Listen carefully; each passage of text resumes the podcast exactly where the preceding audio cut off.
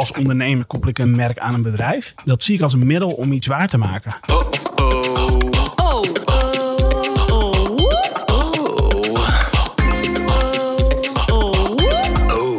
Welkom bij de podcast van Only Humans, waarin we op zoek gaan naar de unieke verhalen van de sterke mensen achter merken. Ook vandaag werpen we een open blik op het marketinglandschap in al zijn vormen.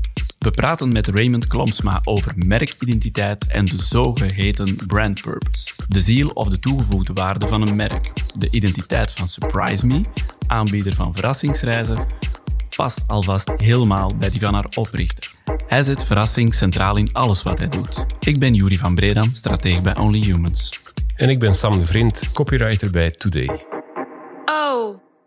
Als uh, mensen op reis gaan, bereiden ze zich uh, meestal heel goed voor. Vlucht en verblijf worden meestal op voorhand vastgelegd. Maar sommigen gaan nog veel verder en weten bijna minuut per minuut wat ze op welke dag moeten doen om alles gezien te hebben. Wat zou Raymond daarvan denken? Raymond, welkom. Dankjewel. Laat ik starten met uh, jullie te bedanken dat ik uh, aanwezig mag zijn in deze podcast. Ja, graag. Hartstikke leuk. Ja, met veel plezier. En je stelt me direct best een moeilijke vraag. Oké. Uh, want wat vind ik daarvan?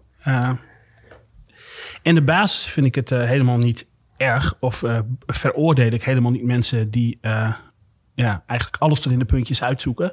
Sterker nog, het wordt ons ook door het internet natuurlijk heel makkelijk gemaakt. Door alle verschillende review sites. Uh, op, bij, tijdens de verschillende vakantie kun je eigenlijk op dag twee al weten wat je in welk restaurant voor welke kaart bestelt. Maar tegelijkertijd gaat er ook iets door mijn hoofd wat heel erg te maken heeft met verwachtingen. En verwachtingen opbouwen. En op het moment dat je eigenlijk alles al van tevoren weet, dan kan het eigenlijk alleen nog maar aan je verwachtingen voldoen.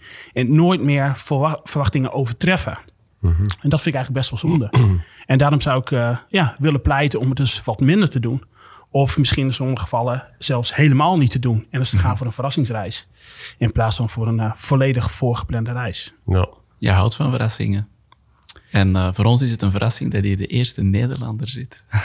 Oh, echt waar? nou, dat is wat leuk om te horen. Dit is mijn eerste Vlaamse podcast. Dus wat leuk. luister je ook naar podcasts, Raymond? ja, zeker. Ik uh, heb heel lang heen en weer gereisd naar Amsterdam. Uh, dus dat betekent anderhalf uur vanaf mijn woonplaats, uh, enkele reistijd. En ik vind podcast een heel mooi medium om, ja, om, ja. om naar te luisteren in de, in de auto. En welke keuzes maak je dan zoal? Soms podcasts die echt te maken hebben met mijn vakgebied. Mm -hmm. dus echt inhoudelijk. Ja. Maar ja, ook podcasts waarin verhalen verteld worden. een podcast die gaat over media en alle dingen die in de media gebeuren. Dus eigenlijk heel divers. Ja. ja. Voor de luisteraar en ook, zal ik zeggen, voor de gemiddelde Vlaming. Kan je nog even kort uitleggen wat Surprise Me is en hoe succesvol dat vandaag is? Ja, tuurlijk. Ja, tuurlijk. Heel graag. Uh, ik ben Surprise Me ruim vijf en een half jaar geleden gestart met een aantal co-founders. Het idee is bedacht door mijn mede-oprichter Stefan. Mm -hmm. hij was voor ons vorige bedrijf in Barcelona, sprak daar op een conferentie had niets te doen dat weekend. En stuurde mij een appje en die zei: Goh, zou je voor mij een weekendje weg willen boeken?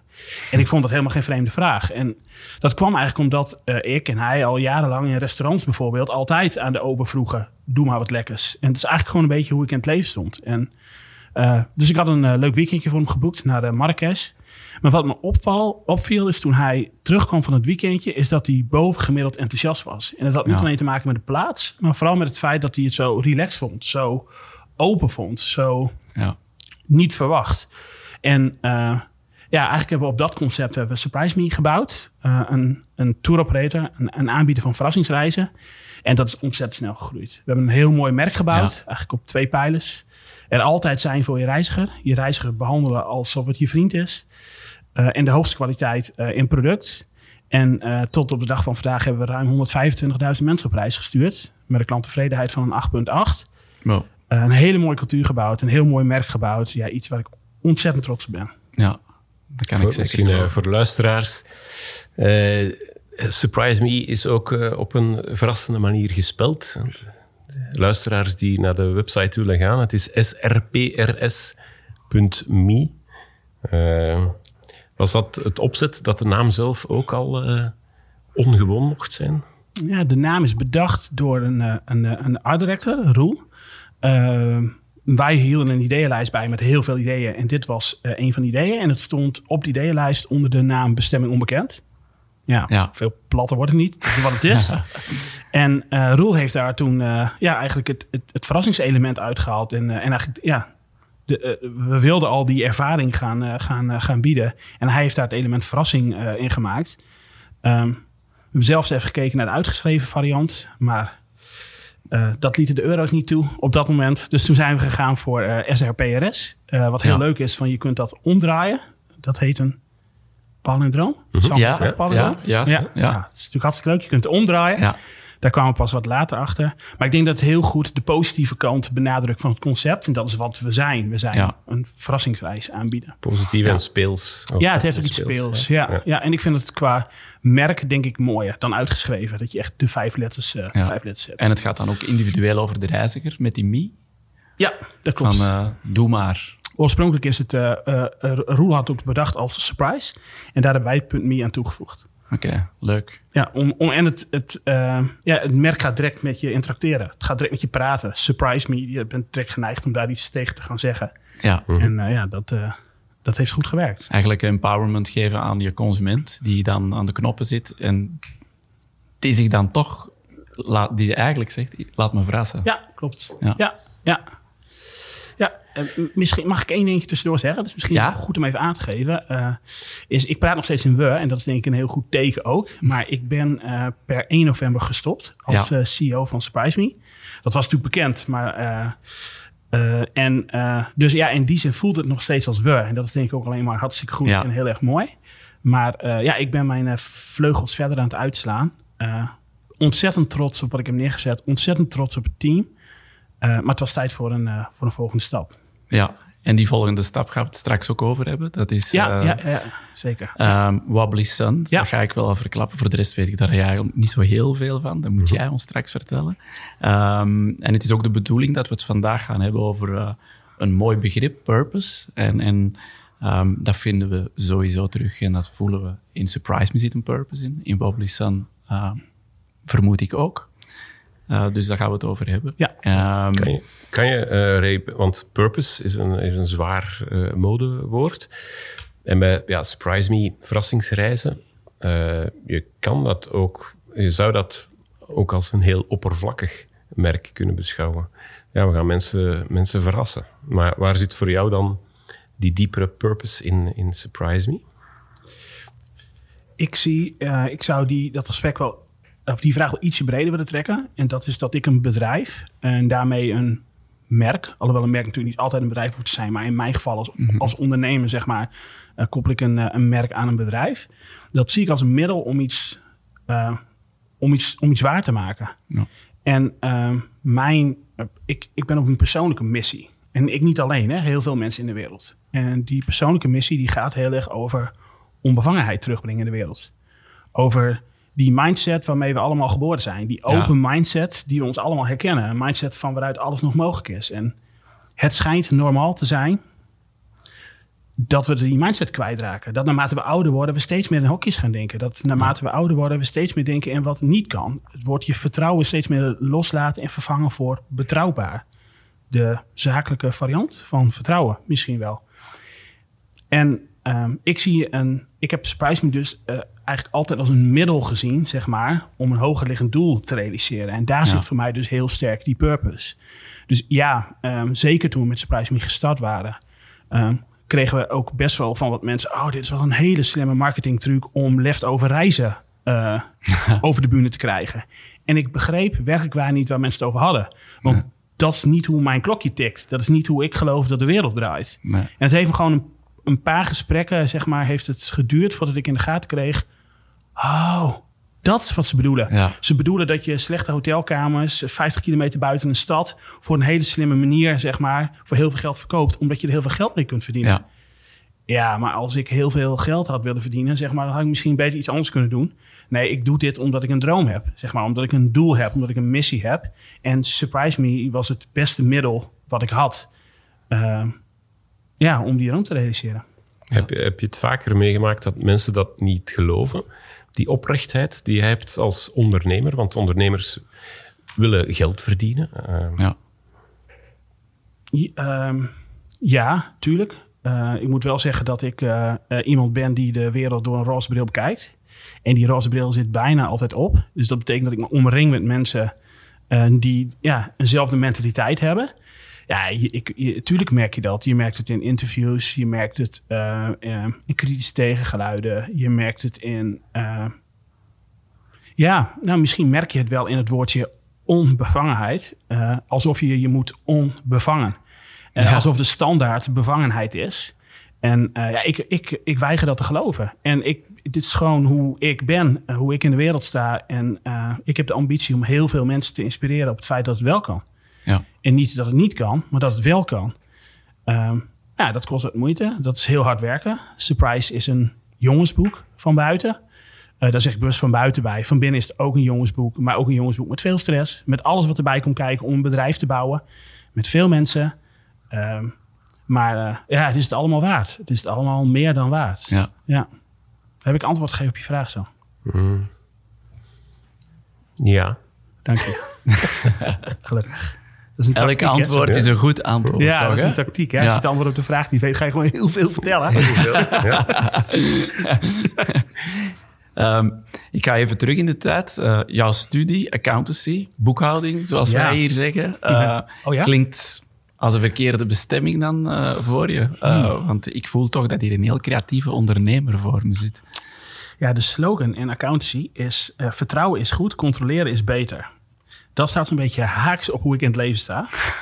uh, toch weet ik heel goed waarom ik voor accountancy koos. Um, dat, die, dat, dat, ondernemen, dat zat er eigenlijk altijd in. Ik op, op mijn vierde, mijn vader vertelde me dat laatst, toen ik vier jaar was, toen figuurzaagde ik eentjes, van houten eentjes. En uh, die, uh, die schilderde ik en die verkocht ik aan de hele buurt. toen was ik vier. Dus dat zat er blijkbaar al in. maar ik ben ook iemand die heel graag werkt met een heel duidelijk doel. Um, en dat is misschien ook wel purpose. En op de, op de HAVO uh, was ik goed in economische vakken. Ja. En uh, toen keek ik voor een vervolgstudie samen met uh, mijn beste vriend. Ik keek naar een vervolgstudie.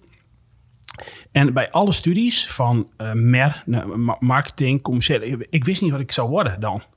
En bij accountancy werd ik accountant. En dat snapte ik. Dat was het doel, zeg maar, die ik voor had. Ja, dus dat is de reden waarom ik toen voor accountancy heb gekozen. En ik ben, ik heb veel te lang over mijn studie gedaan. Heel veel andere dingen gedaan naast, uh, naast mijn studie. Ook mijn eerste bedrijf gestart tijdens mijn studie, wat ik ja. veel leuk vond. Uh, maar uiteindelijk negen maanden in de praktijk gewerkt. Ik had de ambitie om het drie jaar te doen. Maar dat was, was geen goede match. Nee, ik weet dat moment nog zo goed. Dat ik echt, dat ik naar mijn baas ging en dat ik al met twee tassen vol met administratie naar mijn baas ging. Ik was, was echt heel zenuwachtig, want ik ging hem vertellen, zeg maar, dat ik eigenlijk wilde stoppen. En hij zei tegen me, oh, ik had je echt drie maanden eerder verwacht. Weet je, dat je denkt, oh ja, natuurlijk. Alsof ik de enige ben, weet je wel, die, ja, die in de gaten heeft dat iemand misschien wel niet op zijn plek zit. En, ja. Uh, ja, toen ben ik uh, uh, fulltime voor, voor, mijn, ja, voor mijn eerste bedrijfje, bedrijf gaan werken. Ja. En ja, dat was in die periode was dat natuurlijk ook voor 250 gulden per maand. En dan kratje bier kwam een heel eind. Maar ja, wel echt ondernemerschap. Ja. Ja, en wat deden jullie toen dan? Uh, wij zijn ik ben gestart op mijn negentiende met een bedrijf dat heet Concept 7. Bestaat nog steeds. Mm -hmm. gestart als websitebouwers. wat iedereen deed in 99 eigenlijk. Was ook heel makkelijk. Je kon met 100 gulden en de computer van je ouders kon je gewoon starten. Maar al vrij snel groeiden wij toen naar, via usability naar mm -hmm. user experience. Dus wij zaten heel erg aan de ontwerpkant zeg maar, van websites, later apps, internetten. Uh, en heel, met een heel duidelijk proces, wat we human-centered design noemden. Mm -hmm. Waarbij je dus heel erg ontwierp vanuit je gebruiker, zeg maar, dus vanuit je klant. Ja. En daar heb ik echt geleerd zeg maar, om producten uh, te, te, ontwerpen, producten te bouwen, producten te maken. En of het nou een product is of een bedrijf of misschien nog groter. Um, ja, waar mensen blij van worden. En ik heb dus, daar het effect gezien. Ja, Dus waar, waar je nu vandaag niet meer omheen kan, hè, de customer centricity, usability enzovoort, dat waren jullie twintig jaar geleden. Ja, daar waren wij heel vroeg bij. Ja, ja, Ik weet heel goed dat wij het woord usability aan ons bedrijf plakten en dat niemand wist waar dat over ging. Ja, ja. ja, ja daar waren we heel vroeg bij. We waren het e nou, die claim durf ik niet te doen, maar in ieder geval het tweede bedrijf in Nederland wat uh, beschikt over iTrack monitor software. Ja. Dus we hadden een eigen uittrekmonitor, waarmee we dus oogbeweging van mensen konden meten. En zo maakten wij sites beter eigenlijk vanuit. Maar wat we eigenlijk deden, en dat kan me nog heel goed herinneren, was een groot waterbedrijf wat bij ons, eh, eh, wat bij ons was. En, en eh, wij zaten dan mee te kijken, zeg maar, met een klant van het waterbedrijf. En hun mond viel open. En ik kon niet nalaten om de opmerking te maken, maar dit zijn jullie klanten. Weet je, dit zijn de mensen Ja. die, die de, de betalen. Ja. En eh, ja, we kunnen het hebben over efficiëntie, we kunnen het hebben over optimalisatie. Maar misschien moeten we het hebben over het feit hoe we tegenwoordig een watermeter opmeten. Dat is voor de meeste mensen een ervaring waarbij ze A, niet weten hoe ze die cijfers moeten lezen. B, ieder jaar weer moeten uitvinden waar die watermeter zit. En C, zeg maar, de ding is vies, zit vol spinnenwebben. Nou, Ja. misschien moeten we daar wel iets mee. En dus dat zat heel erg zeg maar, op, eh, ja, op mooie ervaringen bouwen waar, eh, ja, waar, waar nou, in het geval van Spijs reizigers blijven worden. Ja. En in zekere zin zijn jullie ook allemaal klant. Zelfs klant zou je moeten zijn van je eigen bedrijf ook. Zeker, en ja. wat ze dan wel vaak zeggen is van, zeker naar developers toe, eh, eat your own dog food. 100 procent. En, Ja.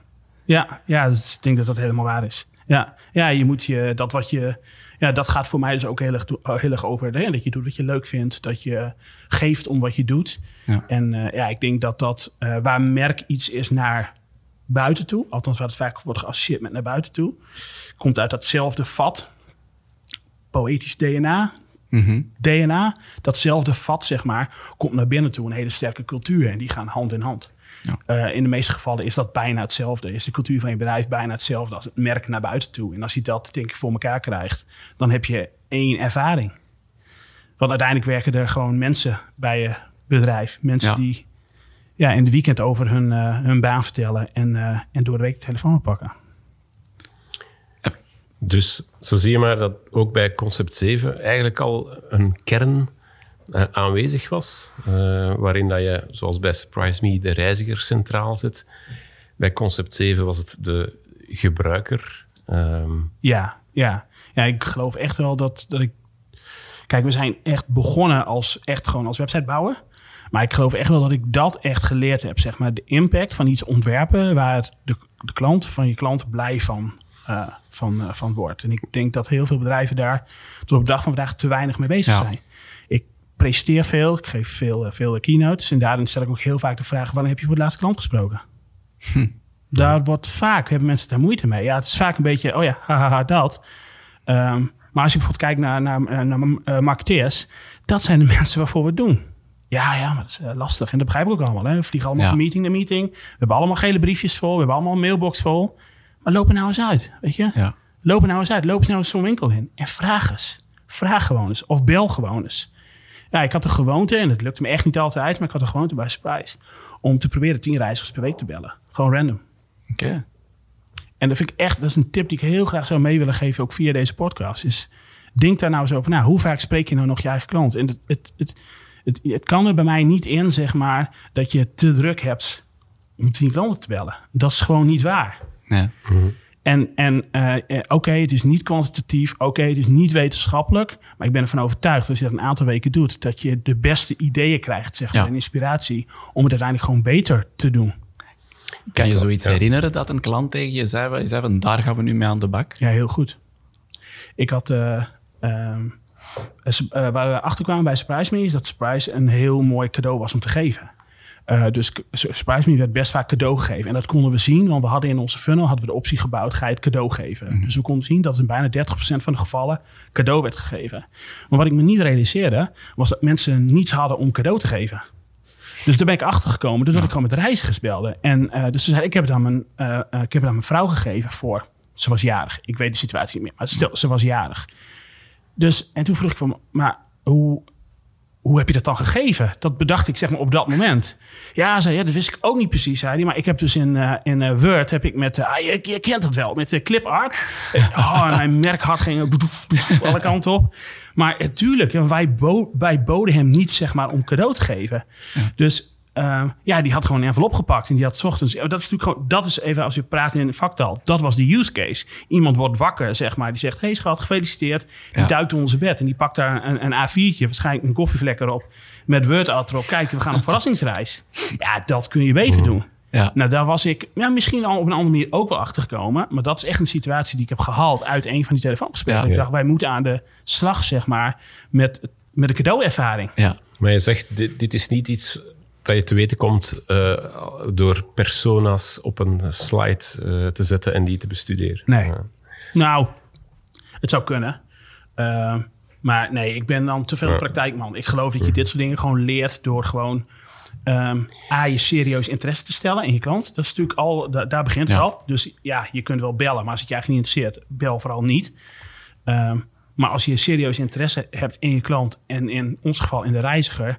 En, en kijk, dan, dan, dan, dan vraag je ook door. Weet je, als iemand zegt, oh, ik heb het cadeau gegeven. Ja, en het interesseert je niet. Dan stel je ook niet de vraag, hoe heb je nee. het dan gedaan? Maar ik geloof niet dat je dit soort dingen vanuit een persona-velletje nee. en dan nee. Maar jij zegt, uh, dat, dit is iets wat ik geleerd heb. Maar zou het niet kunnen dat dit iets was dat je eigenlijk altijd al wist?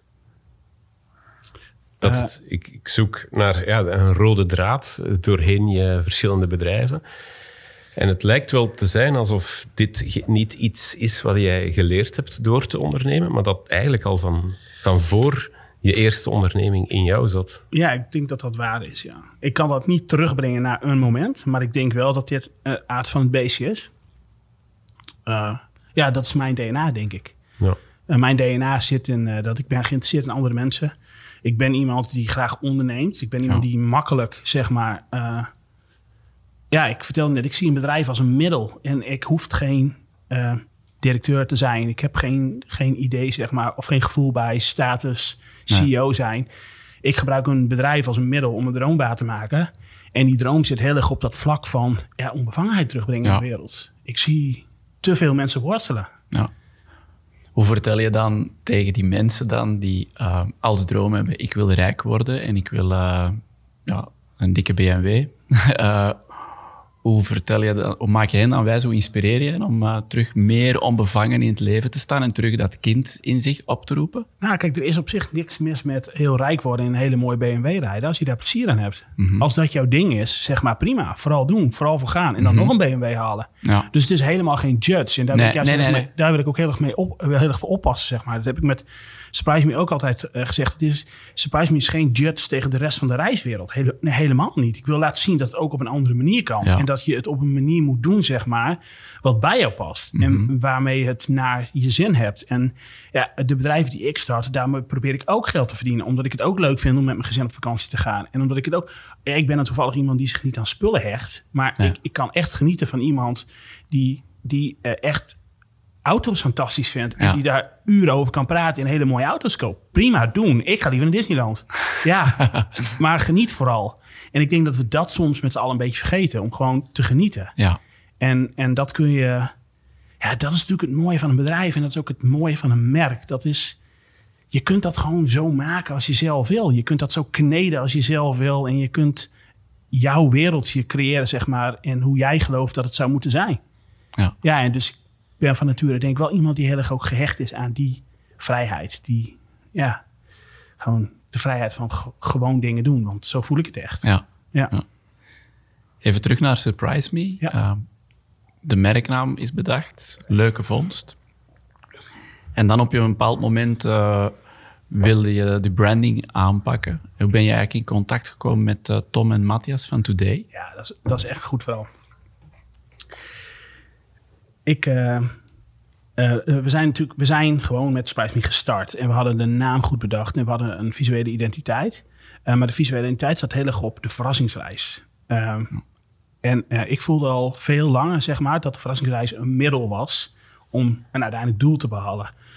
Alleen ik had geen woorden voor dat doel. En ik vond ook dat het merk en hoe het stond. We hadden internationale ambities. We zaten inmiddels in Vlaanderen en we waren gelanceerd in de UK. En ik wilde het merk graag in zijn algeheel naar een hoger niveau tillen. Ja, en begin dan maar eens met zoeken. Uh, dus ik, uh, ik heb er bijna een jaar over gedaan. Dat is echt waar. Ik heb bijna een jaar gedaan over het vinden van het juiste bureau. Uh, ik heb heel veel bedrijven in Nederland gesproken. ik had op dat moment een hele goede CEO aan boord bij Surprise. En waarom ik dat vertelde is omdat ik me gewoon na zes, zeven maanden echt aan mezelf begon te twijfelen. Dat ik dacht, er is volgens mij, is er dan niemand die begrijpt wat ik wilde? En waar ik heel erg tegen aanliep, zeg maar, waren in de gesprekken, of de gesprekken gingen over, wat mijn gevoel, oh, kunnen we hier een prijs mee winnen? Zeg maar, vanuit het merk, zeg maar. Dus we willen iets moois maken, zeg maar. En ja, om het mooi maken, um, Ja, ik had gewoon bijna geen klik met de verschillende bedrijven die ik sprak. Ik heb zelfs met bedrijven in Londen en New York uh, gesproken over uh, Skype. En ik werd door een gezamenlijke uh, relatie um, werd ik geconnect aan, aan, aan Matthias. En die belde ik en die zei, laten we een keer afspreken. En we spraken af in de Starbucks in Gent. op het station. En binnen twee minuten wist ik het. Ik gaf hem een hand. Hij stelde één of twee vragen. Uh, Tom was erbij. Tom Andries, die jullie ook in de podcast hebben gehad. Die was erbij. En die heeft bijna die hele sessie heeft die, uh, scribbles lopen maken. Ja. En uh, na twee minuten wist ik het. Zij gaan dit, zij snappen het. Zij gaan dit merk maken. Nou, niet lang daarna hebben was Sam, de derde, aan het team toegevoegd. En vanaf... En toen liep het allemaal mis. Ja, dat is een memorabele dag, uh, Sam. Als je toch dingen kon... Nee, nee. Nee, ja, sindsdien zijn het mijn, mijn vrienden van Today. En ja. zij hebben ja, ontzettend goed begrepen waar mijn drijfveer ligt. En dat voelt echt als bijna een soort van gezamenlijk... Dat is bijna een gezamenlijke drijfveer geworden. Ja. Ze zijn daar helemaal ingekropen. En ja. Ehm, we zijn gestart met een Oh, dus, mag ik nog een andere tip geven? Ja, zeker. Uh, wat, wat, ik heb de enige. Um, ik had dus ook geen briefing. Ik had ook geen. Uh, ik zocht gewoon naar een klik. Hè? Ik zocht gewoon naar een ja. die het snapte. En toen, ik, toen ik het gevoel had, dat soort keuzes maak ik echt met mijn hart. Dat voel ik, zeg Tuurlijk. maar. En ehm, toen ik de keuze gemaakt had, dan had ik wel besloten om ze drie vragen te stellen. en dat is het enige wat ik gedaan had. Ik had, en ik ben er één vergeten, maar twee weet ik in ieder geval nog wel. En wat is je lievelingsmerk en waarom? En um, wat zou je adviseren of wat zou je zeggen tegen de, je 19-jarige ik? Ja. Dus stel je bent 19 jaar, wat zou je hem dan vertellen, zeg maar? En ja, dat weet ik nog heel goed, zeg maar. Ik had heel erg behoefte om die vraag te stellen. Hoe leuk dat zij ook die vraag vonden. Want die vraag kunt natuurlijk ook verkeerd vallen. Hè? Dat ja. ja, later, dat ga ik niet doen. En uh, hier heb je nog verte. uh, had ik ook helemaal niet verwacht. En ja, toen zijn we gewoon aan de slag. We zijn gewoon aan de slag gegaan. En hebben we het proces zijn werk laten doen. En uh, ik denk op, na twee dagen ongeveer, we hadden ons ondergedompeld, weet je nog, Sam, mm -hmm. in Rotterdam? Ja. Ja, dat weet Sam nog wel. Ja, ja dat was heel gezellig. zeg, mogen we meegenieten? Mag de luisteraars meegenieten? Ja, tuurlijk. Ja hoor, de, ik denk wat daar belangrijk was, is, we voelden eigenlijk vrij snel aan dat verrassing en verrassingsreizen, dat dat niet de, de essentie van Surprise Me was, in die zin dat er meer iets diepers ja. uh, onder, onder zat. En dat wisten we natuurlijk door met Ray te praten, voel je dat. Aan de persoon Ray zelf voel je dat onmiddellijk. Van ja, hier, hier, zit, hier zit iets diepers uh, te bewegen, te vriemelen in, in die Ray. En we moeten dat eruit halen. En dat is, uh, dat is uiteindelijk onbevangenheid geworden als, ja, zeg maar, purpose. Ja. En Surprise Me is daar een uiting van. Mm is een manier om onbevangenheid terug te brengen. Ja. Uh, maar er zijn er misschien nog hoeveel uh, precies andere manieren? Ja, het zijn er in ieder geval heel veel. het zijn er heel veel, ja. ja. Het gevoel bij iedereen proberen op te roepen van onbevangenheid. Ja. En uh, is dat misschien een mooie brug ook naar Wobbly Sun dan? Ja, ik denk het wel. Ja, want waar Surprise Me een middel was om om onafhankelijkheid terug te brengen. Kijk, de systematiek van Spy is eigenlijk heel eenvoudig. Of de, de dynamiek, hoe je het maar noemt. We vertellen je pas op vliegveld waar je naartoe gaat. Dat kan ook niet anders, want anders ga jij je voorbereiden en kun je dus niet onbevangen je citytrip tegemoet stappen. Dus de enige reden waarom wij mensen pas op het vliegveld vertellen waar ze naartoe gingen, was om, zodat je niet kunt voorbereiden. En uh, je dus geen verwachtingen kunt hebben en met een open mindset je stad tegemoet uh, treedt. Dat was het middel, zeg maar, om onbevangenheid terug te brengen. En, um, en daarom, sorry Ray, als ik mag. Uh, en daarom kan verrassing niet de, de essentie zijn. Want zodra je op het vliegveld je bestemming te weten komt, dat is dan zogezegd de verrassing. Ja. Maar dan, ja, dan stopt het niet. Dan begint eigenlijk de ervaring pas. Ja. Omdat je je niet hebt kunnen voorbereiden. Ja, klopt. En dan kan je een, het juiste gevoel aanwakkeren en het, dat gevoel is onbevangenheid. Klopt. Ja, je zet mensen in een onbevangen mindset. Daarna is dan mensen zelf zeg maar, ja, om de slingers op te hangen. Dat zeiden wij ook altijd heel duidelijk. Het is niet zo dat uh, we gaven wel wat tips mee. Uh, uh, we, we proberen wel wat dingen, maar het is niet zo dat we een volledig uitgekoude reis voor je neerlegden, die van verrassingen aan elkaar hing. Nee, het was ja. die dynamiek, zeg maar, van je pas op vliegveld vertellen waar je naartoe ging, wat zorgde voor het effect. Ja. En ja, ik ben sinds kort, sinds, sinds ik eigenlijk gestopt ben met Spice Me, eh, dat gedachtegoed zeg maar, van onbevangenheid terugbrengen. Dat heb ik, eh, ja, dat is wie ik ben. Zeg Ja. maar. En Dat wil ik heel graag, eh, wil ik heel graag Dat gelooft verder. iedereen. Ja, dat voel ik tot in het diepste van, eh, van, eh, van, eh, van wie ik ben. En eh, eh, ik ben eigenlijk met de, ja, opnieuw met de mannen gaan zitten. En gezegd van, ja, we hebben, we hebben zoiets moois, zeg maar, met, Ja. met onbevangenheid op het hoogste, op het hoogste merklevel. Ik wil dat heel graag continueren. En eh, daar is uiteindelijk het merk eh Wobbly Sun uit, uitgekomen. Ja. En dat is een, ja, dat is een bedrijf dat ik nou, gestart ben nu. Het Ja. bedrijf, vehikel. Ja, dus, en dat bedrijf heeft eigenlijk maar één doel.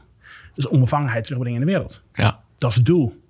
En dat bedrijf gaat heel veel middelen zeg maar, aanboren om dat voor elkaar te krijgen. Ja. En een van die middelen is eh, het geven van keynotes. Iets wat ik al veel doe. Mhm. Eh, wat goed werkt, waarin je mensen kunt raken, waarin je één op één met mensen in gesprek kunt. Maar een ander iets bijvoorbeeld is, eh, waar we onlangs mee gestart zijn, is de ongeveer wekelijkse rondzendbrief. Ja. En eh, dat is een nieuwsbrief die we op onregelmatige eh, tijden versturen. Waarin we eigenlijk ja, iedere week mensen eventjes uit die realiteit willen halen. En soms is dat een, eh, een klein opdrachtje die je die week kunt doen. Soms is dat een leuke tekening die je net even anders naar dingen laat kijken. Maar het, het is altijd vanuit het poëtische hart onbevangenheid terugbrengen. En ja, wie weet waar Wobbly Sun ons nog brengt. Wat betekent Sun? Eh Wobbly Sun refereert naar het zonnetje, zoals je het vroeger tekende, eh, Mhm. toen je vier was, drie. En eh, ja, in de hoek van je tekening maakte hij een zonnetje. En het maakte niet zoveel uit of dat zonnetje groen, blauw of rood was. Nee. Wat je wel wist, is dat hij altijd een glimlach had. Ja. en eh, ja, als er eh, een koffievlek of een, eh, een yogi-vlek overheen kwam, dan teken je gewoon nog een zonnetje. Want er is altijd wel een reservezon in de buurt. Ja. En dat staat voor die mentaliteit. En het, het, het is denk ik de beste beeldspraak, zeg maar, om die emotie weer op te roepen. Ja. Het is niet per se een kinderlijk merk. Dat is helemaal niet de bedoeling. Het is Mhm. iets wat je. Het is veel meer een mindset. Het is iets wat je nu kunt gaan doen. En je kunt. Het is een keuze om zo te, te gaan en te willen leven. En eh, ja, wij willen mensen inspireren om eh, ja, een beetje meer Wobbly Sun aan je leven toe te voegen. Ja. Ik heb het gevoel dat dit vandaag dat gevoel terug oproepen, eh, dat het de juiste tijd is en dat we het eerder nodig hebben dan vroeger. Of zie je dat niet zo? En dan heb ik het over het feit dat alles is voor het grijpen. Eh, Ja. We konden vroeger nog naar de videotheek rijden en daar een film gaan kiezen. Heel bewust allemaal. En nu heb je dat allemaal bij de hand. En weet je om het uur niet meer wat kiezen. En zit je daar, krijg je er zelfs stress van. Ja, keuzestress. ja. Eh, Ja, nee, ik ben dat wel met je eens. Ik vind het. ehm, eh, ik vind het. En daar wil ik de nodige kanttekeningen bij maken. Ik, ik, omdat het een vlak is, zeg maar, waar ik eigenlijk nog te weinig van weet. Dus ik wil ook helemaal niet een, een bepaald eh, gebied daarin claimen. Maar ik hoorde gisteren dat eh, in Nederland ehm, meer dan 1 miljoen mensen van de 17 miljoen eh, een vorm van psychiatrische zorg hebben. Ehm, Oh. Ik heb het zelf gezien bij heel veel millennials, zeg maar. Onder wat voor druk dat zij op dit moment leven. De druk van alles moet leuk zijn. De druk van vrijheid. De druk van... En het is, het is zeker niet zo dat ik de potentie heb, zeg maar, dat oh, we brengen Wobbly Sun en dat is allemaal opgelost. Nee, Nee. helemaal niet. Maar ik wil wel laten zien, zeg maar, dat het ook anders kan. En dat het in ons allemaal zit. En dat vind ik juist zo mooi aan het woord onbevangenheid. Want het is een woord wat weinig, ja, wat weinig gebruikt wordt. Het is een bijzonder woord. Maar dat refereert zeg maar terug naar dat gevoel wat we, wat we, ja, wat we allemaal kennen. ja. Het is gewoon hartstikke leuk om af en toe te henkelen. Ja. En ik weet zeker dat als ik hier een henkelbaan teken eh, bij jullie hier op kantoor en ik ga erbij zetten dat één op de vijf hinkelt. En Ja. op het moment dat ze gaan hinkelen en ze stoppen, dan heb je een bepaalde expressie in je gezicht. Dat Ja. een- nou, je, je herkent het, ik zie Ja. het aan je, aan glimlach. Die expressie, zeg maar, dat is waar Wobbly Sun over gaat. Het is dat momentje. Het is dat... En eh, ja, de verrassing is een fantastisch middel om dat, eh, ja, om dat naar boven te krijgen. Maar ja, er zijn veel meer manieren om dat te doen. En ja, het is fantastisch om daar eh, heel veel mee bezig te kunnen Ja, zijn. ja. Ja. Maar het gaat, het gaat voor jou niet over eh, nostalgie. Het is niet een Nee, nee, ik zie niet- nostalgisch Nee, terugblikken op Nee, eh, te- vroeger was het beter. Nee, misschien wel tegenovergestelde. Mhm. Ik denk dat het iets is wat we allemaal in ons hebben. We worden allemaal zo geboren. En eh, na, naarmate we ouder worden, eh, verliezen we dit steeds meer. En we kunnen eigenlijk niet goed aanwijzen waardoor het komt. We kunnen eigenlijk niet zo goed vertellen, oh, het was die juf of het was die mevrouw. Nee, maar zo ineens, zo ineens is Sneeuwwitje een mevrouw geworden met een jurk aan. ja. En ja, waarom is dat? We hebben volgens mij verhalen nodig. We hebben imagination, we hebben creativiteit, we hebben dat nodig, zeg maar. Ja. En eh, daar gaat de Wobbly ook over. Dus het gaat veel meer, wat mij betreft, over nu. Maar het is een, een eh, ja, het, het, het, het, het, haalt, het, ik denk het gevoel, zeg maar, dat we dat allemaal herkennen, zeg maar. Het gevoel Ja. van, van dat zonnetje. Oh ja, toen ja. was alles nog mogelijk. Ja. Ja. toen, nu is alles ook nog mogelijk. Dus gewoon een keuze. Eh, En terwijl ik dat zeg, zeg maar, voel ik ook een zekere gereserveerdheid, hoor. Want het is, weet je, ik realiseer me heel goed dat er heel, dat er heel veel mensen zijn, zeg maar, die, ehm, ja, die, die eh, iedere maand zeg maar een uiterste best weer moeten doen om rond te komen. En dan voelt dit ook wel een soort van als een luxe probleem. Ja. En zo is het helemaal niet bedoeld, zeg maar. Maar het is, het is een soort tegengeluid in een maatschappij die gaat over steeds meer willen, steeds meer kunnen. Ehm, en eh, ja, mensen geniet gewoon. Ja. Dat is eigenlijk de boodschap. Geniet gewoon. We moeten heel veel. Hè. We moeten druk, druk, druk zijn. Want dat steken dat we Ja. succesvol zijn. We Ja. moeten er goed uitzien. En, is maar enzovoort. de vraag of dat enzovoort. zo is. Ja. Ja. Ja, ik zou daar wel serieuze vraagtekens bij eh, willen stellen. Ja. Of je succesvol bent als je in een hele mooie BMW rijdt. Of je er heel goed uitziet en eh, dure merkkleding aan hebt. Ik zou die vraagtekens echt wel durven stellen. Ja, mooiheid, komt, mooiheid komt toch van binnen dan. Hè? Zeggen ze wel. Ehm, ja, ik wil dat nog wel eens even weten. Want ik wil dan toch ook eens even naar jouw kindertijd. Welk tekenfilmfiguur was jouw held? Oh, dat is een goede vraag. Ehm, het eerste wat... eh, maar ik weet niet of ik dat nou een held zou kunnen noemen. Het eerste wat me te binnen schiet is Alfred Jodocus Kwak. Maar ik weet niet of jullie dat kennen in Vlaanderen. Ja, ik ken hem wel. Dat is een Vaag, één, ja, dacht ik vaag. toch? Hè? Ja? Vaag, ja. Ja, het is niet, niet super bekend. Nee. Misschien moet je dat liedje dan eens zingen. Ja, ja, die zoek ik nu. Hij kwekt, hij kwakkelt en hij zingt. Toen, toen Herman van Veen. Oké. Die zong het liedje. Eh, dat is in ieder geval het eerste tekenfilm die ik me kan herinneren die ik keek. Of ik eh, per se diegene eens nou als held beschouwde, weet ik niet. Nee. Eh, maar ik kan ieder geval Maar dat maakte je blij. Ja, zeker. Ja, ja, Is, ja. is het die eend die je dan gefiguurzaagd hebt en, en verkocht hebt? Ik heb die link nog nooit gelegd, maar dat zou heel goed kunnen. Ja. Ja, dat zou heel goed Dat- kunnen. Dat ik Alfred ook eens kwak eentjes verkocht. Ja, dat zou zomaar kunnen. Kijk eens. Merchandising. Merch- ja. We weten wel wat te doen hebben. Straks eh, copyright claim. Ja. Ehm, ja, ik ga wel toegeven, ik heb me vorige week pas, ik doe toch wel iets voorbereiding voor deze podcast. Ja. Ik heb me ingeschreven op Ja. Sound, dus ik kijk nu uit naar die eerste newsletter. Vandaag. En- En, en voor ja, de mensen echt? die zich nog niet hebben ingeschreven, een klein beetje promotie. wobblysan.com met dubbel B, L-Y. Kun je inschrijven. Het is gratis. Eh, we gaan geen geld voor vragen. Gaan we Nee. ook niet doen. We willen mensen graag eh, inspireren. Vandaag eh, komt de eerste nieuwsbrief. Ja, Ja, of eigenlijk de tweede nieuwsbrief. Vorige week was de eerste aankondiging. Maar vandaag komt de eerste nieuwsbrief. Ja. ik vond, eh, dat was, kwam voor mij verrassend over, omdat on- in ons hoofd zitten we zo geprogrammeerd als ons gegevens uitgevraagd worden, dat we dan ook onze geboortedatum moeten ingeven. Ja. En jij had iets anders ge- gevraagd. Ja. En dat vond ik wel eh, leuk. Ik moet nu even spieken wat je letterlijk had gevraagd. Of je vertelt het ons even. ja, de vraag is aan welke datum denk je met een kamerbrede glimlach terug? Ja. Ik vond dat bijzonder moeilijk. En ik begon dan in mijn Ligt ratio ligt te dat gaan. aan jou, eh Juri? Ja, ja, misschien kan het aan mij liggen, maar ik vond het een mooie ratio emo mindfuck. Ja. Omdat ik kon mij heel veel blije momenten eh, eh, herinneren, maar ik kan, en dan zou je nog kunnen refereren, de geboorte van je eerste kind, want dat weet je. Maar heel veel dingen weet je gewoon niet exact de dag. Dat is, die muziek stond aan, het was daar, hè, dat zijn de referentiepunten. En eh, wat heb ik dan nou wel gedaan? Want ik ben dan toch wel blij dat ik hier ben. Mijn geboortedatum ingevuld. Oké. En ik weet niet of dat je daar heel...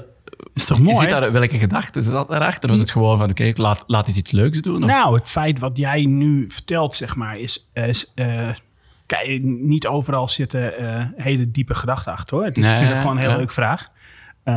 Maar het, het is wel bedoeld om even een kleine twist te geven. Om je even na te laten denken zeg maar, over dat ene mooie moment. En eh, ja, de geboorte. Hè, ik heb zelf eh, eh, drie kinderen. Ja. Ja. de geboorte van je eerste, of je tweede of je derde. Ja. Een, fantastische, een fantastisch moment die je heel snel zou invullen. Maar het kan ook zijn dat je net dat ene moment herinnerde dat je kampioen werd met voetbal. Ja. Of dat je, ja, you name it. Het kan Ja. eigenlijk iedere situatie zijn. En ja, daar vraag ik wel bewust naar. En het is eigenlijk vier velden. Eh, je naam, je e-mailadres. Nou, prima. Ja. Eh, dit veld en het laatste veld is je lievelingsgroente. Ja, die weet ik ook nog. Ja. Wat heb je ingevuld? Tomaten. Tomaten. Ah, Ja. heel goed. Heel goed. Het valt me op dit moment op dat heel veel Is dat mensen... een groente? Is een Ja. tomaat een groente? Ja, dat is een goede vraag. Ik denk het wel. Ja, Ja, Daar is- zijn is discussies geen over, hè? Ja? Maar het is geen fruit, toch? ik denk het wel. Ja. Echt? Er zitten pitjes in. Oh, Dus eh, de definitie van fruit is... er zitten pitjes in. Ja, zitten er pitjes in jou, Ray? Nou, Nee? dat weet ik niet zo. Ik vind het ook een hele persoonlijke vraag. oh, wat leuk. Nee, het- maar eh, eh, wat, we, wat ik bewust verplicht gemaakt heb... is je e-mailadres en de groente. Ja. Eh, en dat is fantastisch om te zien. Het is fantastisch om te zien wat mensen daar invullen. Ja? En, ja, natuurlijk. Vertel eens. Ja, nou, van... eh, eh, ja, ik vind het gewoon heerlijk om te zien dat mensen die je kent... die daar dan invullen kropsla of avocado. of, dat zorgt gewoon voor een glimlach. Ik kan niet anders zeggen. En daar heb ik... eh, ja, je moet zelf ook weer plezier in hebben. Ja. Dus eh, ja, wie weet wat we daar nog mee gaan doen. Maar geloof me, we gaan er vast iets mee doen. Ja. Maar je kunt eigenlijk iedere, iedere random vraag kun je daar stellen. Ja, En tuurlijk. En dat is ook doen. leuk, hè? Ja, Ja, maar ook dat. het, het, het moet even zorgen voor die, voor die glimlach. Voor die... Hè? Oh ja. En dan vullen mensen daar gewoon hele leuke dingen in. En Ja. dat is, eh, Ja. ja. dat is, eh, dat is eh, zeer plezant. Ja. Zoals dat Ja, ja, ja, ja, ja. Ja. Maar je verwacht het niet, hè? Dat je Nee. je lievelingsgroente moet invullen Nee, bij het eh, inschrijven op een nee, dat nieuwsbrief. zorg je niet. Nee. Als volwassene, hè? als ernstige mens Ja. met een drukke agenda. Een druk agenda, druk, druk, druk, geen tijd. En wat is dan je lievelingsgroente? En toch heeft iedereen een antwoord. Ja. Nu was er nog niks visueel aanwezig op Nee. die landingspagina. Kan je daar al een tipje van de sluier lichten? Wat Ja, zeker. wel Eh, gaan sterk- zien? Sterker nog, in de, in de nieuwsbrief eh, van vandaag Oh, eh, wordt de visuele identiteit bekendgemaakt. Ja, dus we hebben een, ja, we hebben een, een heel mooi logo. primeur, spannend zeg. Ja, ja, ja nee, is heel leuk. Leuk om dat naar de buitenwereld te brengen. En ja, hoe leg je het uit? Het is een, het is een wobbly sun. Ja, Dat is wat je erin ziet. Het is, ja, het is, je kunt er heel veel dingen in zien. Dat eh, wil ik ook heel graag. Ik wil graag dat je, eh, ja, dat je erin ziet wat je erin wilt zien. Eh, we gebruiken de kleur Big Pen Blauw heel bewust. Het heeft ook wel iets weg van een doodle. Dat onbewuste wat je aan het tekenen bent op het moment dat je aan de, aan de telefoon, aan de Ja. telefoon bent. Ja, het is een, een, een, ja, ik doe het nu voor. Het heeft natuurlijk geen enkele zin in een podcast. Maar het is een maar soort... doodelen dus, hè? Wat Ja. je doet als je aan het doodelen bent. Ja, ja, en hij staat vanaf nu staat hij, op de website. Oké, ik kan Ja. er nu niet direct bij, dat wil ik nu wel. Het volgende Ja. waar we mee, eh, mee bezig zijn, waar we binnenkort mee gekomen, is een manifest. Dat hoort, vind ik, bij Ja. eh, Sun. Eh, ik zie de Wobbly Sun als een, als een land. Een land dat andere, ja, dat als doel heeft om de wereld, de mensheid te injecteren met een gezonde dosis onbevangenheid. Ja. Dus een land heeft een vlag. Dus ja, die vlag is binnenkort ook eh, verkrijgbaar via de, via de website. maar het manifest, zeg maar, daar werken we heel, heel hard aan. Eh, maar het manifest is echt bedoeld, zeg maar, als je dat leest, ja, dan, dan voel je, denk ik, in ieder geval ik, maar we hebben het al verschillende mensen laten lezen, dan voel je, dan word je even tot in de diepsfeer geraakt naar die ene emotie. Ja. En voor mij is dat iets wat, eh, ja, wat eh, aan, een, aan, een muur, aan een muur kan hangen in een kantoor. Wat, wat je kunt uitdragen, Ja. wat je als een, misschien wel als een pamflet gaat uitdelen. Ja. En ja, dat is, ieder woord wordt eh, gewikt en gewogen in het manifest. Ja. En dat is een ontzettend leuk proces om te doen. Ja. Ben je daar kritisch eh, met dat, in dat weken en weken, wat er dan wel vooral altijd eh, ja, de balans naar moet overhellen? Ja, ja ik denk dat we met dit is iets wat we ook samen doen. Dit is iets... ja, we zijn kritisch, denk ik. Kritisch op ieder woord. We voeren onverwacht best wel veel discussie over... eh, wat in het Nederlands werkt en wat in het Vlaams eh, niet werkt. Ja. Sam en ik kunnen het eindeloos hebben over lidwoorden. Mhm. Op de vlieger, in de vlieger, over de vlieger. ja, dat zijn voorzetsels. Oh, dat zijn voorzitters. Oh, heb je het al. Heb je het al. heb je het al. Maar eh, ja, nee, ieder woord Nee, wordt en gewogen. En het voelt, ja, het voelt als een heel belangrijk, ja, als een heel belangrijk iets. Omdat ja, dat is de basis zeg maar, van, wat we aan het, eh, van wat we aan het neerzetten zijn. De Wobbly Sun is heel luchtig en, eh, en, en Ja. ja, zoekt die luchtigheid op. Maar het project op zich is echt wel gemeend en heel, eh, 100%. heel serieus. 100 procent, ja. ja. Dat manifest, eh, dat kan net zo goed in een ander bedrijf hangen, als zij ervoor kiezen om eh, toch wat meer onbevangen eh, naar de wereld te kijken. Ja, Los van dat het hun manifest moet worden, maar op kantoor, in een meetingroom 100 bijvoorbeeld. procent. Ja, heel graag zelfs. Ja, ja. en als je het echt eh toe-eigent als jouw manifest, eh, dan heel graag als het in je poëtisch DNA zit. Als je het bent, zeg maar, dan ja, want dit is niet iets van mij, ons alleen. Nee, het is iets wat we aan de wereld willen geven, omdat we geloven dat de wereld deze kant op moet. Dus laten we het vooral met z'n allen gaan delen. ja, ja. ja. Mooi. ja. Ehm, je hebt nu al een aantal bedrijven gecreëerd. Ja, heb ik nog een Merk niet verteld ook. En eh, ik heb ook gehoord dat je alleen bedrijven wil eh, creëren waar je zelf zou willen werken. Ja. ja, dat heeft dus heel erg te maken met, en we refereerden er net al even aan, met die cultuur. Ik, eh, ik denk dat het heel belangrijk is, zeg maar, dat je het leuk hebt op je werk. En dat je het naar je zin hebt. En dat je geeft om wat je doet. En ja, ik denk dat deze tijd die we hier hebben te kostbaar is om dingen te doen die je niet leuk vindt. En natuurlijk zijn er Ja. dagen bij dat je dingen Ja. doet die je niet leuk vindt. Laten we dat even Ja, opstellen. Maar eh, ja, als je meer dan vijf dagen achter elkaar denkt, vind ik dit eigenlijk nog wel leuk. Dan moet je ook vooral even bij jezelf nagaan, zeg Ja. maar, of je nog op de juiste plek zit. Eh, ja, en ik wil, ik zou, ja, ik heb de ambitie om bedrijven te creëren waar ik zelf graag zou willen werken. Ja, Ja, ja, want dat zijn bedrijven waar je goed voelt, waar je thuis voelt, waar je met plezier naartoe gaat. ja. En eh, dat doe ik heel graag met heel veel andere, ja, heel veel, heel veel andere mensen. ja. Ja. Ik had ook nog eens even, even terug naar Surprise Me op eh, de website gekeken en de mensen die bij jullie werken. Eh, het lijkt ook alsof dat je bij Surprise Me niet echt werkt, zo, maar dat is goed bedoeld. Hè? Dus, Ja, ja.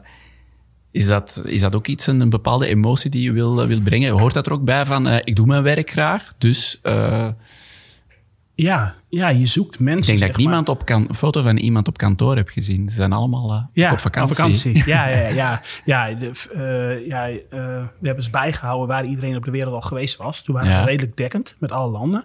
Ja, dus reislustig is zeker, eh, eh, zeker. Maar mensen met een open mindset eh, Mhm. vond ik altijd heel erg belangrijk.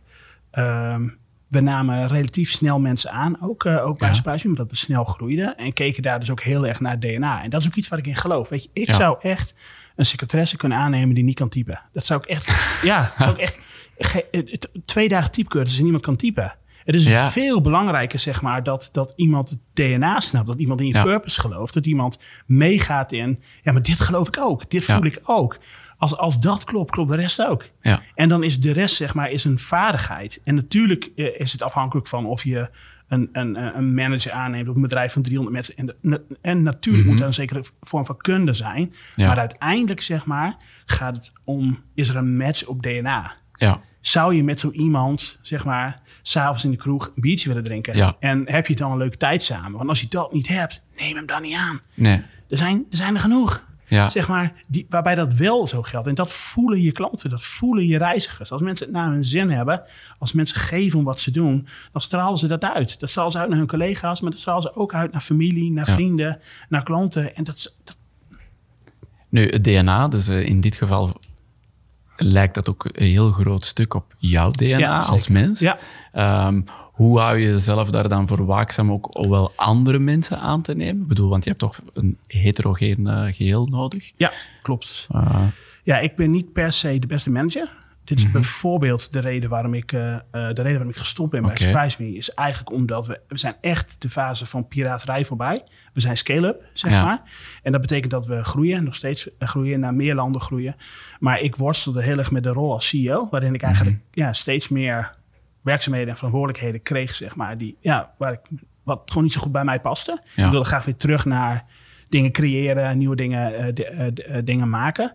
Dus ehm, ja, het creëren van een goed team, zeg maar. Een goed team dat, dat bestaat uit verschillende personen is niet per se mijn grootste kracht, denk ik.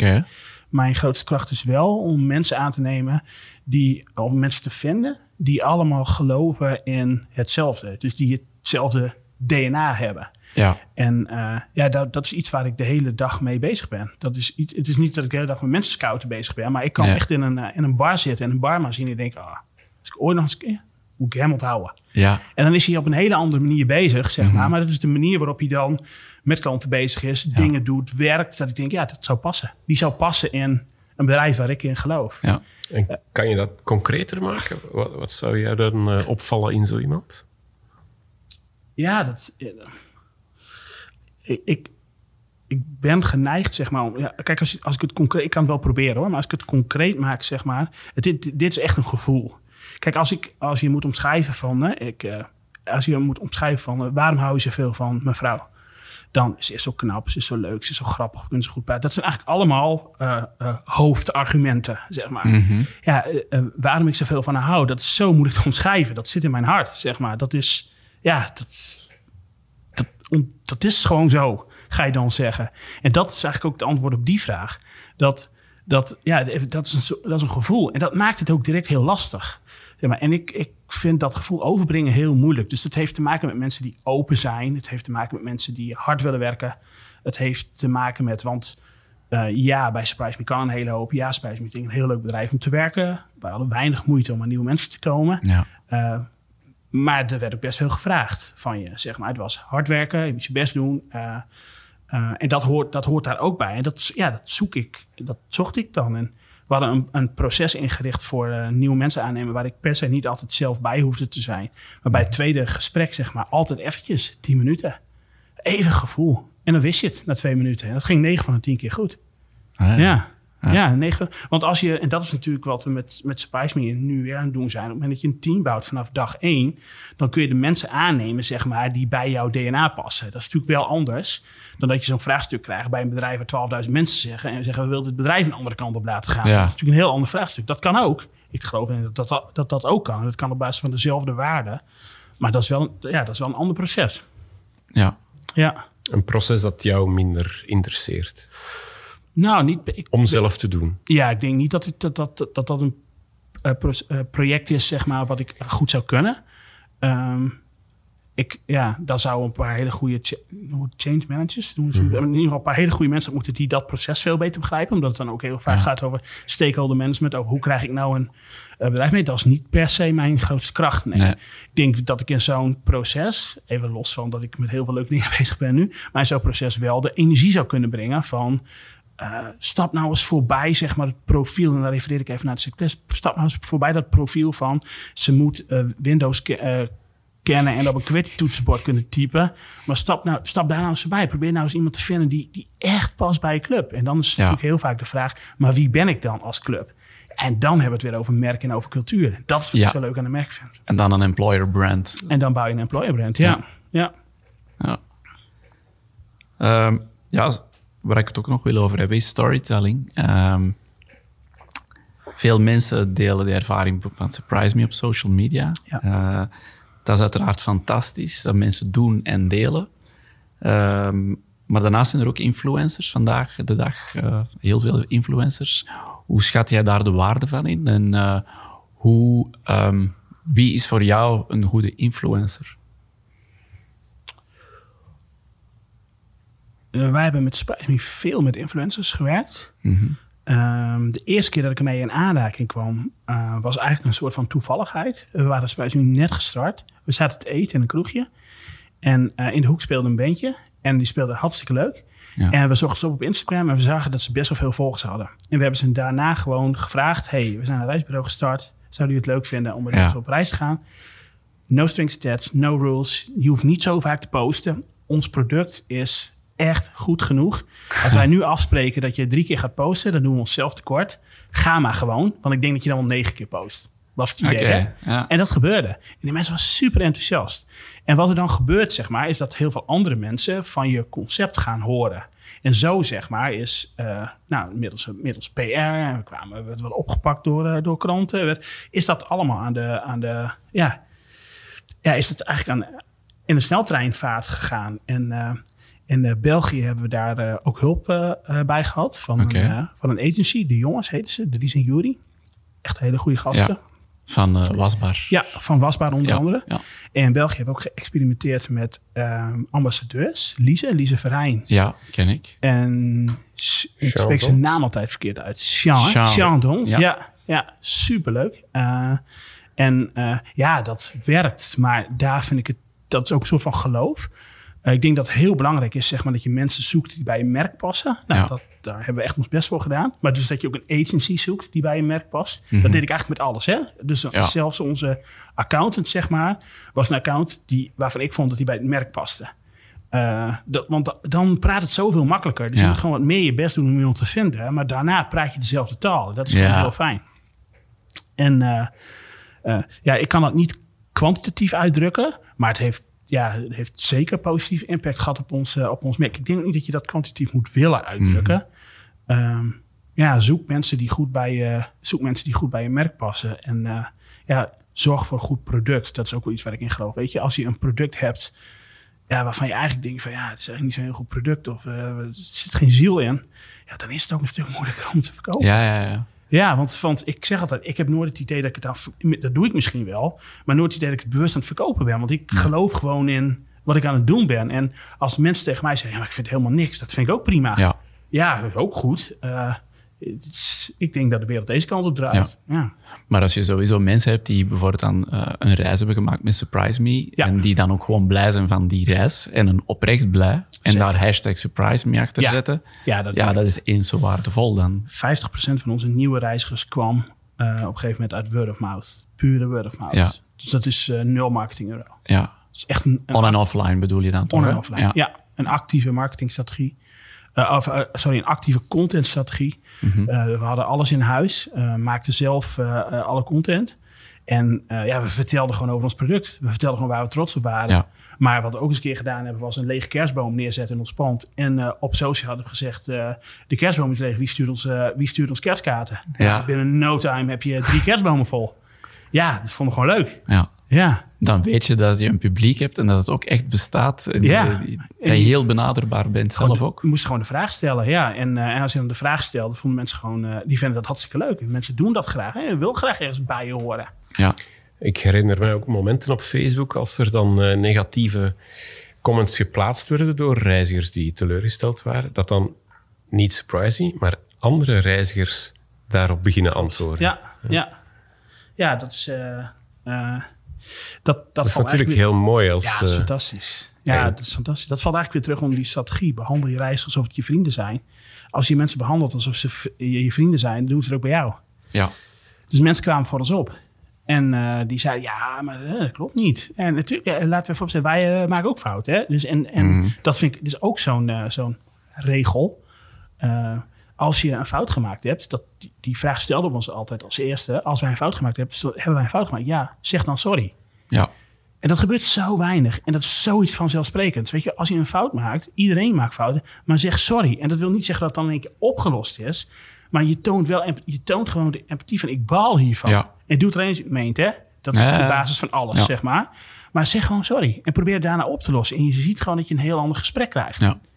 En ik, ja, ik vind dat echt gewoon basisnormen van hoe we met elkaar omgaan. Ja. En het is niet dat we dat, dat, als we dat privé doen, dan. Het is niet dat ik zakelijk iemand anders ben dan privé. Nee, dat, dat loopt door elkaar heen. Dus ja, zakelijk zeg ik ook sorry.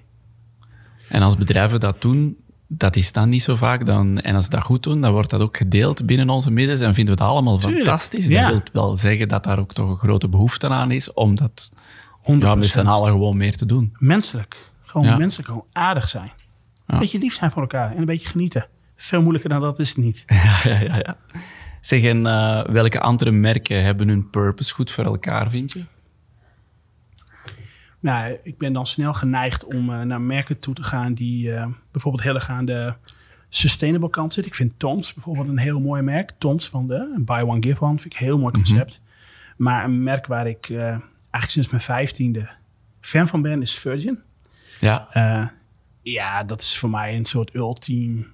Een, een, Richard Branson staat voor mij voor, voor een ondernemer, zeg maar, die, die laat zien dat wel kan. Dus iemand die natuurlijk standaard ja zegt in Ja. plaats van standaard nee. Terwijl dat de business rule is, leer nee zeggen. Nou, waarom? Als je toch alles leuk vindt, doe je gewoon alles. Ja, prima toch? En ja, hij, ja, zij staan wel echt. Ik vind, ja, dit, dat is echt, dat vind ik een, vind ik een heel mooi merk. Ja, ik, ik heb een keer een gastblog voor hun mogen schrijven. Nadat ik mezelf eh, ja, behoorlijk aangedrongen heb. Laat ik dat zo bij zeggen. Maar toen mocht ik een gastblog schrijven. En dat was ik toch wel heel erg trots op. Ja, dat ging dat is een jongensdroom van je. ja, het ging over company culture. En daar wilde ik heel graag over schrijven. En dat ik dat op het Virgin blog mocht doen, dat was wel een... eh, ja, dat Ja, vind ik ja, wel ja. echt, echt... Ik vind hem echt een ondernemer. Ja. En ik vind dat hij dat doet op een manier, zeg maar, gewoon... eh, gewoon hij, hij is gewoon aardig. Ja, En, en er leeft toch vaak, zeg maar, leeft er de gedachte dat... Ja, om, eh, om zo groot te worden moet je toch wel een beetje een... nou, vul ieder uh, nawoord daar maar in, Ja. zijn. Want anders kom je niet zo ver. Ja, ik denk dat dat gewoon niet waar is. Ja. Omdat hij, eh, net als jij dan toch eh, vooral een buikmens is. Hè? Alles met het hart. Ja. eh, Ja, ja het is... Het is en, en dat is ook soms best wel lastig voor mensen. Ik kan ook situaties herinneren. Kijk, ik neem beslissingen. Op een gegeven moment voel ik of het klopt of niet. Maar het kan dus zo zijn dat je een hele kleine... eh, dat, een, dat om iets heel kleins gaat. Dat mensen jou vragen, wat vind je hiervan? En dat ik het dus gewoon niet weet. Omdat ik het niet voel. Dat je echt denkt, jeetje Ray, come on. Waar gaat dit over? Beslis gewoon. Maar dan weet ik het gewoon niet. En dan zeg ik het ook. Kies zelf maar, zeg maar. Ja, of je moet gewoon nog even wachten. Want binnen nu en een week... Ja, het, dan word ik ermee wakker, of dan weet ik het, of dan sta ik douchen, of dat. En dan weet ik gewoon, oh, dat wil ik. En dat kan gaan over de kleur van de pennen. Ja. Dat weet ik dan gewoon niet op dat moment. En dan, dan, ja, dan kan ik zo'n beslissing ook niet nemen. En ik heb echt geleerd om daarna te luisteren. Dus als ik het niet weet, zeg maar, ja, niet kiezen. En dat is soms best lastig Ja, voor ja. andere mensen. Ja, ja, sorry bij deze. Maar Ja, ja, ja. Dat, eh, dat hoort een beetje bij. Dus jij bent meer een Richard Branson dan een Elon Musk. Ja, nou, Maar je vindt beide wel leuk, toch, hè, denk ik? Hè? Ja, mijn naam op één regel zetten met Richard Branson vind ik sowieso al. Maar eh, dat is wel echt een hele ander kaliber. Maar eh, ja, als ik zou eh, uit hun... Ja, ik vind... Ik heb heel veel respect voor de ambitie die een Elon Musk toont. Ja. Eh, dus de grootsheid waarin hij denkt. Eh, ik ken beide niet persoonlijk, dus daar heb ik helemaal geen oordeel over. Maar dan neig ik zeker meer naar de persoon van, eh, van, eh, van, eh, van Branson. Ik heb ook een interview van hun beiden gehoord. Waarin Elon Musk zei, ja, ik werk gewoon 110 uur per week. En ik zie mijn kinderen bijna nooit. Waarop Branson zei, daar moet je mee ophouden. Want je moet zorgen dat je je familie ziet. Ja, uit, Ja. uit die school ben ik. Ja. Eh, ik ben, eh, eh, hoe leuk ik het ook vind wat ik doe, er staat één ding op één. En dat zijn mijn drie kleintjes Ja. en mijn vrouw. En daarna komt er een hele tijd niets. Nou, je hebt net gehoord hoe enthousiast ik ben over alles waar ik mee bezig ben. Maar pas dan komt er wel Sun en alles wat ik daarna doe. ja. Dat gaat mij niet gebeuren. Nee, nee, nee. nee. Nee. Nee, nee. Zeg, en eh, verrassen is je state of mind, hoor ik. Eh, meestal gaat het dan over blije verrassingen. Eh, ik ben een nuchtere Belg. En dan denk ik, ja, maar niet elke verrassing is toch leuk? Zijn er onaangename verrassingen? Heb je daar een anekdote van? Oh, dat is een hele goede vraag. Ja, ik, ik zit even te denken over verrassing is mijn state of mind. Ik zie de verrassing als een middel, zeg maar, om iets te creëren, wat ik je al zei. En de verrassing is een heel goed middel. Ehm, ja, als een verrassing niet aanslaat, is het heel vaak omdat de ander niet... eh, omdat de ander te vast zit in zijn of haar hoofd. Dus eigenlijk niet verrast wil worden. Ik geloof in de basis dat iedereen verrast wil worden met alles. Ja. dat, is wel, Ja. dat is wel wat ik geloof. Ja. ja. Maar verrassing niet in de zin van eh, duiveltje uit een doosje. Het is niet dat jij eh, om elke hoek komt gesprongen om iemand Nee, te laten nee, nee, schrikken. nee, nee, Dus nee. om- voor alle duidelijkheid, niet, niet het soort verrassing. Hè? Nee, hoor, nee, nee, nee. nee. ver- Verrassing gaat voor mij meer over eh, attent zijn, over eh, eh, om de ander geven. En soms kan het ook een fysieke verrassing zijn in de vorm van een cadeautje. Ja. Eh, nee, nee, nee. Het is geen. eh, nee, dat is het zeker niet. Ehm, ik hoorde ook dat jij vaak eens rondwandelt in de Efteling. Ja, mooi. Ja, ik ben Dat is echt toch- fan van de Efteling. Ja. Ja, en, eh, en eh, Disneyland. Ja, ja, en misschien is dat ooit wel de einddroom. Zal ik het uitspreken? Ja, dat spreek ik gewoon uit vandaag. Misschien is dat ooit wel de einddroom van de Wobbly Sun. Is dat land echt maken. Dat heb ik dus met de Efteling en met Disneyland. Ja. En, en ik snap de andere kant ook. Hè. Hartstikke commercieel. Geen, eh, heel moeilijk om goed eten te krijgen. Eh, dat Nee. snap ik allemaal wel. Maar het is die wereld gebouwd op verhalen. Het is die wereld waarin het allemaal wel kan. ja. Het Sprookjesbos, ik vind het fantastisch. Laat maar, zet mij daar maar neer. Ja, dat vind ik echt heerlijk. Ik ga probeer ieder jaar een keertje naar Disneyland te gaan. Probeer ieder jaar een keertje naar de Efteling te gaan met mijn kleintjes. En dat is... Ja, daar kan ik, daar kan ik, een, daar Mocht- kan ik wel een week lopen. Mocht daar een Wobbly Sun opduiken in het totale verhaal, dan eh Ja. dat is toch wel eh, Dat zou heel mooi een mooie zijn. droom. Toch? Of je eigen pretpark. Ik ga mijn eigen pret Ja. plannen. Ja. Ja. Dat is veel leuker. Creëer het eigen land. Heb je een eh, favoriete attractie? Nou Ja, nou kan ik heel stoer doen. Maar dan denk ik dat... eh, eh, heb je kei, eh, bel eens vragen? Want dan belt mevrouw nu nog in. Eh, nee, dan ga ik toch in de Efteling voor Symbolica en, eh, en dat soort attracties. En dat zijn niet de grote achtbanen rollercoasters. Eh, en dan zeg ik er stoer bij. En daar durf ik echt wel in hoor, Sam. Maar Ja. ik sta niet vooraan. En Symbolica, wat is, vertel eens. Ja, Symbolica is een eh, nieuwe attractie, is ongeveer twee jaar geleden geopend. En eh het Droomvlucht is misschien bekender hier. Nee, nou, Symbolica is een wereld, zeg maar, waarin eigenlijk Ja. alles kan. Wat eh, gebouwd is rondom creativiteit. Om, eh, ja, dat creativiteit de basis is van alles. En eh, je stapt in, je zit in een karretje. En eh, ja, voor de rest moet je eigenlijk gewoon een keer kaartjes kopen van de Ja. Efteling. En ik heb daar geen enkel belang bij. Laat ik dat Nee, nee, zeggen. nee. Behalve dat ik hier een hele toffe tijd gun. Daar blijf je dan drie dagen in dat karretje zitten? nu niet in het karretje zitten, maar ik ben wel drie dagen in de Efteling. Maar een ja. dag, dat eh, is niet te doen voor mij. Nee, daar zijn vind ik gewoon mooi. Maar ook gewoon daar zijn, eh, met je vrouw een kopje koffie drinken... terwijl de kindjes voor de vijftiende keer zeg maar in de, in de draaimolen gaan. Het is... Ja. Ja, ik hou van die, eh, van die werelden. Hou- Houden jouw kinderen je jong of hou jij ook je kinderen jong?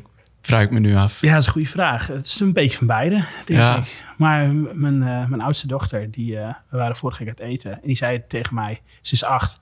En die zei tegen mij, papa, kies jij maar voor mij. Dan is het voor mij een verrassing. Nou, toen was papa trots. En het is echt gebeurd. Ja, ja. Ja, ja, ja dat wordt er toch een beetje mee opge... Ja, Ja, en was ze blij? ja, ja, ja, Ik was wel een beetje voor, eh voor zeven gegaan, zal ik heel eerlijk zijn. Ah, geen eh, broccoli met spruiten? Nee, nee, nee, nee, Ja. nee, nee. Het was echt, eh, het zat wel in haar straatje, zeg Oké. maar. Ja, frietjes met wat lekkers. Ah, ja, ja, ja. Goede opvoeding. Ja, Jij, doet- jij doet nog... eh, wat ons eh, opviel, is, je doet iets heel leuk met je kinderen. Je geeft ze een... eh, el- is het elk jaar? Mag, mag elk van je kinderen een hele dag bepalen wat, er, eh, Ja. wat jullie samen gaan doen? Ja, ja, ik ga ieder jaar één op één met mijn kinderen op, op reis. Ehm, en zij mogen kiezen wat we gaan doen. Ja, en dat is uniek. Soms is het een dag, maar ik ben bijvoorbeeld met mijn oudste ben ik een paar dagen ook in Wenen geweest. Eh, met Surprise Me, een verrassingsreis. Toen kwamen we in Wenen uit. Ja, en zij zat toen in de periode dat ze zwemles had. En eh, zij wilde gewoon, en ik was in Wenen geweest, één groot openluchtmuseum natuurlijk. En eh, ik wilde heel graag dingen bekijken. Maar ja, ja, zij mag kiezen. Dus papa, ik wil naar het zwembad. en ja, oké. dus toen zijn wij naar, het op, eh, naar een uh, overdekt zwemparadijs gegaan. Met golven. Vindt papa ook nog steeds leuk. Ja. En daar hebben we gewoon drie, drieënhalf uur in de golven eh, eh, gespeeld. Ja. Ja, en daarna zijn we ja, nachos gaan eten. En toen was dag één om. dus ik moet absoluut nog een keer terug naar Wenen. maar eh, ja, de volgende dag hebben we wel dingen fiets gehuurd. En zijn we door de stad heen, eh, heen Ja. eh, gaan, dingen bekeken. Maar, eh, ja, ik doe ieder jaar één op één. En dat kan ik absoluut eh, eh, aanbevelen. Voor alle ouders die, eh, die eh, kinderen hebben. Het is quality time op zijn best. Het is, die- En het is belangrijk dat je, dat je het apart doet met, met het kind. Nou, Ja. niet per se. Eh, eh, ik ga ook, we gaan heel graag ook met z'n vijven naar de Efteling of, of, of, eh, of, op vakantie of leuke dingen doen. Maar ik vind het één op één, zeg maar, het brengt je zo bij elkaar. En, en eh, eh, eh, dit jaar ook voor het eerst met Linde, mijn jongste. Eigenlijk vanaf ongeveer vijf jaar, zeg maar, Linde is vijf, zijn we daarmee gestart. En eh, ja, het is, Linde heeft papa twee dagen voor zichzelf. En dat merk je dus aan alles. Ja. En zij mag kiezen. En eh, toen zei ze, ik wil panda's zien. Toen dacht ik, oh, oké. maar we hebben geluk. Want wij hebben in. Renen, in de diertuin in Renen, hebben wij panda-beren. Dus Ja. wij zijn naar de diertuin geweest. En eh, we hebben daar panda's bekeken. En eh, toen kreeg ze zo'n eh, zo'n onesie, panda Ja. mocht ze. Dus zij liep als een panda door het park heen. Nou, dat kun je mij niet blij krijgen. maar met mijn, met mijn ventje, Daan, die, wilde, die is helemaal voor voetbal. Eh kaartjes voor Ajax geregeld. Heel vroeg naar het stadion. Nou, het is bijna die Mastercard-reclame. hè. hij loopt dat, dat trapje op. Het stadion was nog leeg en hij kijkt daar het stadion rond. Nou, dat zijn de momenten, daar kun je mij niet blij krijgen. ja, priceless dan, hè? Ja, ja, daar kun je mij niet blij krijgen. Mooi. Zeg, en welke plek in België heeft je eh, verrast? Ja, jongens. We heel- hebben ook panda's. Heb je Ja, het Ja, we hebben ook panda's. Echt? Ik denk zelfs baby, Ja, ondertussen baby's, ja. Oh ja hoor. Ja. Ja. Oh ja hoor. Nog Ja. veel schattiger. Oh, wat is dat toch met die competitie? Nee. Oh, of doe ik dat nu zelf? Nee. Eh, welke plek in... Ik kom graag in Vlaanderen. Eh, ik huur heel graag eh, een, een bed and breakfast hier. Ergens, eh, niet in de stad, maar ergens lekker ver buiten de stad. Ik ben eh, ja, geneigd richting kust Ja. te, te trekken. Eh even Plopsaland te bezoeken. Eh, maar eh, ja, ik ben, eh, ben graag van het strand. Maar ik vind de Ardennen ook heel mooi. Maar we zijn minder geneigd op die kant op, op Ja. te gaan. En ja, ik vind ik vind België ja, echt heel mooi. Ja, Ja. Kom hier graag. Ja. Je Aardige woont, mensen. je woont zelf ook eh, dicht bij het water. Ja, ik woon dicht bij het IJsselmeer. Ik woon in Friesland. Dus Ja. daar hebben we ook bos en water. In ons mooie dorpje Oude Meerdum wonen 1100 mensen. Toen eh, Matthias voor het eerst het woord Oude Meerdum hoorde, toen dacht hij dat ik een grapje maakte. Die geloofde Ja. niet dat het echt bestond. maar het is echt waar. En eh, ja, ik woon daar heel graag. Een Harry ja. Potter dorp. Ja, Ja. nou, het is een soort Harry Potter eh, dorp. Nou, ja, het is heel toeristisch in de zomer. omdat het natuurlijk water en, eh, en bos Ah, ja. is. Eh, maar het is fantastisch om te wonen. Ja, Ja. heel graag. Is dat dan de best kept secret in Nederland waar wij eens naartoe moeten? Of denk je van... Wij Ja. denken vaak Amsterdam, Rotterdam. nee joh, eh, kom maar eens naar Oude Midden. Ja? Ja, ik kom nog een gezellig kop koffie halen. Ja. Dat is hartstikke leuk. Oké. Ja, misschien kan je nog wel iets vertellen, maar eh, ik, ik zou al een afrondende vraag eh, al, al willen stellen. Ja, tuurlijk. En ik wil heel... Wat heeft je het laatst zo geraakt? Dat moet niet altijd positief zijn. Geraakt, echt emotioneel geraakt. Zowel werkvlak, privé. Ehm dat kan ook deze morgen geweest zijn, hè? Sam die eh, steekt heel wijs zijn vinger op. Wat is het laatste wat me echt geraakt heeft? Ik ben onmiddellijk geneigd om dat naar mijn eh, kinderen toe te brengen. Ja, Ja. En, en eh, terugkomend op je vraag. Zij zijn mijn allergrootste spiegel. En zij zorgen ervoor dat ik ja, die onbevangenheid wat ik zo sterk voel, blijf voelen. Als ik zie hoe zij ja, door het leven huppelen, genieten van alles, genieten van al die kleine dingen, dan is, eh, ja, dan is dat hoe we met z'n allen in het leven moeten blijven staan. Ja. Oké, ga ik meenemen. Ray, het was eh, zeer fijn om je hier bij ons te hebben vandaag. ja, ik praat met heel veel, eh, ik praat met veel plezier over deze dingen.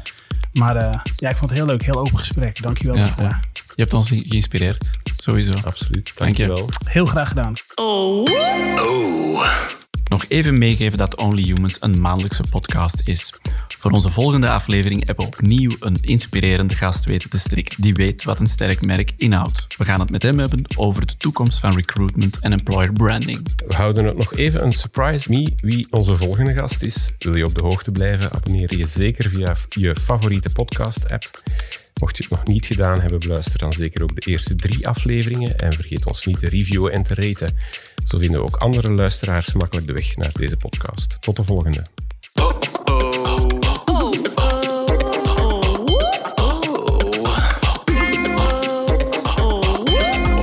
Ik ben Remo Klonsma en u luisterde naar Only Humans.